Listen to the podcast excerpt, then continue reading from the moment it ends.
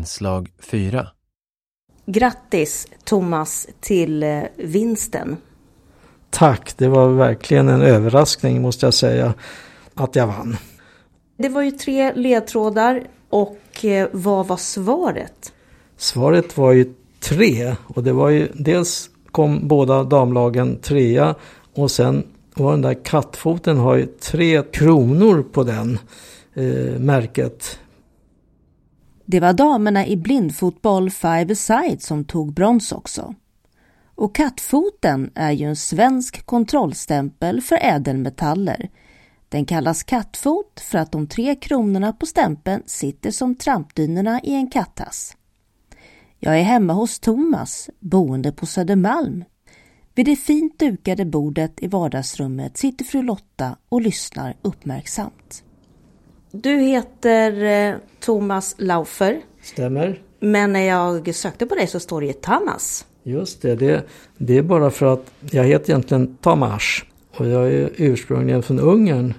Så jag har ju faktiskt bott här i större delen av mitt liv. Ända sedan 1951 kom jag hit och eh, blev, eh, blev jättesvensk på kanske två månader. Var på kollo och sen kom jag hem och kunde inte prata ungerska längre, bara svenska. Annars vet du, säger alla ungrare säger kanelbulle. Då hör man direkt att de kommer från Ungern. Kanelbulle. Alltså. kanelbulle. De kan inte säga kanel, de säger kanel. Så är det. Hur gammal var du när du kom hit? Jag var bara sex år när jag kom hit. Hade moster och morbror här i, i tallkrogen. Sen fick moster och morbror lova att vi inte skulle ligga samhället till last. Och det hoppas jag att vi inte gjorde. Och varför eh, kom ni hit? Jo, men det var, det var just för att eh, min moster hade ju då lovat sina föräldrar att ta hand om sin syster, alltså min mamma. För min mamma var hörselskadad och så småningom så blev hon också blind. Fast inte alls samma åkomma som jag har. Utan hon hade RP. Men det tog ju många år innan, innan hon blev helt blind. Men det var ju lite konstigt faktiskt att, eh, att jag också blev det. Hur var ditt liv tillsammans med din mamma då som hade en funktionsnedsättning eh, fram till du var sex år? Ja, det var ganska bra. Jag, jag, hon läste på mina läppar när jag pratade. Och sen hade vi lite teckenspråk, ofta sånt som vi själva hade uppfunnit eh, lite grann. Så sen kunde jag också skriva bokstäver i hennes hand som hon kunde förstå. Hon var oerhört snabblärd, eh, vilket jag inte fått ärva tyvärr. När hon blev blind så lärde hon sig punktskrift själv otroligt snabbt. Och jag försökte lära mig också på gamla dagar men jag ja, var inte alls lika snabb som hon. Så hon hade en sån där punktskriftsdator som hon kunde kommunicera med mig digitalt. Eh, på det. Jag hade också en dator här hemma så att eh, det dök upp fina, riktiga fina ord som hon skrev med punktskrift. Hon läste DN och böcker på punktskrift. Thomas var ensam barn och föräldrarna skildes tidigt. Hans pappa hörde också dåligt. Konstigt nog så han var hörselskadad och blev under kriget blind. Av helt, av vad, jag, vad jag förstått så var det någon sprängning i kvarteret som gjorde att han fick ögonen förstörda. Så de två hade en hörselnedsättning ja, och, trä och, och, träffades och ja. så fick de dig och din mamma hade också RP.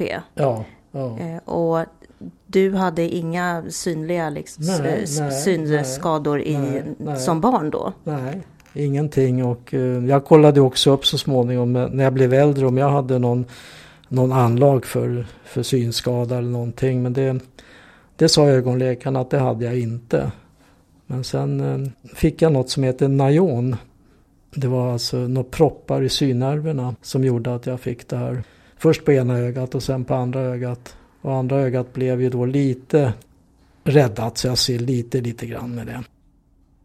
Lite, lite kuriosa. Första gången jag kände av att det var något fel då hade jag precis varit hos min tandhygienist. Så när jag kom ut därifrån så ringde jag till Sankt Eriks ögonsjukhus trodde att det var någon sån här mm, glaskroppsavlossning eller vad det heter. Och eh, kom in sa de. Och sen ett år efteråt Då hade jag tid hos min tandhygienist. Då åkte andra ögat.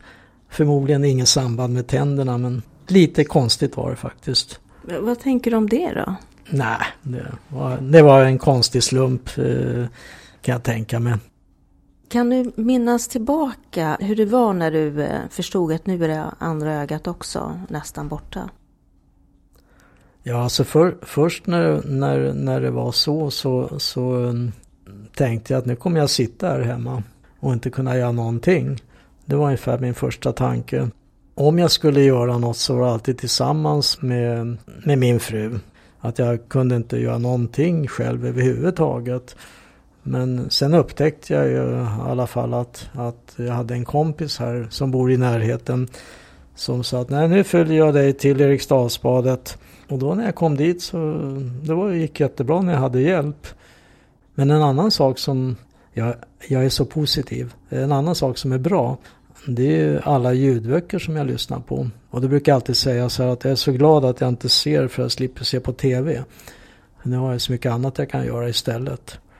Så jag brukar, lyssna, jag brukar lyssna på nyheterna på Rapport. Du sa någonting bara snabbt där, positiv. Ja. Är, är du en positiv person? Ja, jättepositiv. När någon, när någon säger att det är mörkt och, och molnigt ute då säger jag men där borta är det soligt säger jag. Då. Så jag ser, jag ser oftast, eh, oftast ljuspunkter och det är kanske därför jag klarar mig ganska bra med syn, synnedsättningen också. Har du alltid varit så? Ja, det har jag. Jag tror Lotta får nicka om det stämmer. ja. Och det, det kanske beror på eh, mycket svårigheter i, i början på livet och flytten till Sverige och ja, och det, det är jag glad för. Hur mycket av Ungern finns kvar i dig? Ja, inte mycket. Vi var och hälsade på eh, i Budapest en gång och då letade jag upp min eh, adressen där jag har bott. Och det kände jag faktiskt igen mig lite grann från utsidan hur det såg ut. Det fanns en, ett, en garageport där där jag till skillnad från Björn Borg inte spelar tennis mot men jag sparkar boll mot, mot den garageporten. Det kommer jag ihåg och kände igen. Hur är det med språket då? Dåligt tyvärr. Jag fick ju ingen hemspråksundervisning när jag kom hit. Jag, jag är jättedålig på ungerska. Kunde lite grann när jag hade varit där på besök i Budapest. Då kom det tillbaks lite grann. Men alltså, om jag hör ungerska på tv så kan jag känna igen vissa ord bara. Så att jag är jättedålig på, tyvärr, på ungerska. Lotta, du har ju suttit här nu hela tiden men inte sagt någonting. Men jag skulle vilja ställa en fråga till dig också. Hur påverkades er relation när Thomas helt plötsligt inte kunde se? Jo, då var det så här att jag sa till Thomas, det här blir, det är ingen fara. Det kommer vi att ordna, det kommer att gå jättebra. Jag såg liksom ingen anledning till att tycka att det var så förskräckligt. Men sen, vart efter tiden gick, så förstod jag ju hur svårt det var för Thomas och hur annorlunda vårt sätt att leva och att vi blev verkligen påverkade av det. Visst har det varit kämpigt emellan varven, det måste jag säga, även om jag tycker att det, rent allmänt så har vi klarat av det jättebra. Och det beror ju mycket på Thomas, att han är så positiv alltid. Ja, men det här ordnar sig. Det är ingen fara, det går så bra. Så Thomas står för allt det positiva och jag är lite mer sådär ifrågasättande och hur ska vi klara och så. Men Thomas är alltid positiv, när på dygnet som helst. Så det ordnar sig. Är jag lite blåögd kanske? Ja, jag vet jag ser, inte. Jag ser inte alla problem jämt. Nej. Men det har ju jag tyckt varit jätteskönt. Att mm. Thomas alltid har tyckt att allting ordnar sig. Du sa att eh, du upptäckte efterhand då att det blev problem. Vad var det som du eh, såg då? Ja, jag tycker det, det, är svårt att peka på mm, något. Laga något. mat till exempel. Ja, det var ju alltid Thomas som ja. hade lagat all mat. Och handlade allting. Det gjorde ju Thomas. Jo, varje, Men... varje morgon stack jag iväg och handlade innan, innan eh, eh Eh, det är för mycket folk i butikerna. Så att mm, när jag kom hem då hade Lotta hunnit att bädda och fixa och då hade jag redan handlat allting. Ja, men jag tycker att vi har jobbat bra tillsammans. Vi, jag har gjort det jag tycker är roligt och det jag tycker går bra och Thomas han har hjälpt till med det som Thomas kan bäst. Så. Och det var ju att laga mat. Jag var inte alls road av att laga mat. Det är jag inte så intresserad av. Jag tycker det är gott att äta när någon annan lagar maten. Thomas blev ekonom och IT-konsult. När han gick i pension fortsatte han att jobba med datateknik och IT på veteranpoolen ända till synen försvann. Men teknikintresset är fortfarande kvar. Och teknik är något han hjälper Lotta med. Och att komma ihåg saker. Minnet är bra. Thomas och Lotta har varit ett par länge. Vi har ju varit gifta i 52 år i år. Och eh, på vissa sätt är det bättre. Mm. Och på andra sätt är det då naturligtvis sämre. Men, men vi är så beroende av varandra. Jag har, jag har ju minnet och lite, lite annat sånt där. Och Lotta, Lotta har ju synen. Så vi, vi, har, vi liksom vi har ju kompletterat varandra jättebra. Ja, vi är lika ordningsamma om man säger så. Jag vill ha ordning och sakerna på sitt rätta. Det är inte så där att man bara slänger in sakerna utan strumporna för sig, kalsongerna för sig, skjortorna hänger snyggt och då har jag hängt dem i en viss ordning så Thomas kan ta färg, vilken färg som han vill ha då. Beige eller blå eller sådär. Så att det fungerar jättebra. Det, det, tycker jag inte har blivit någon skillnad. Men, men hängde du så beige i, i färgskala redan i, tidigare? Ja, absolut. Men kan inte jag få titta? Va? Jag, jag måste ja, få se det. Ja, gör det. Men, kan du följa med? Jag kan följa med. Ja. Men, eh, jo, Lotta valde ju kläder till mig även när jag såg för hon har ju så bra smak. Jaha. Ja visst. Den här skjortan ska du ha idag. De passar bra till de byxorna. Så är det. Här har vi de vita skjortorna. Här hänger de röda. Här är rutigt. Här är enfärgat blått. Och här är lite udda skjortor så. Och du ser, det här är sådana med lång ärm. Och, och sen är det kort ärm här nere. Och du ser, här hänger också svart svarta och röda. Och så kommer blå och här är lite randigt.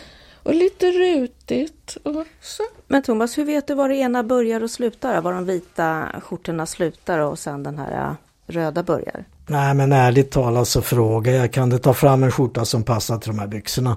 Så jag, jag, jag, jag skulle kunna, jag har en sån här färgindikator så jag skulle kunna leta rätt på rätt färg men jag är för slö för det så jag frågar, är Lotta hemma så säger jag ta fram en skjorta som passar. Och som du ser så tycker jag om att stryka.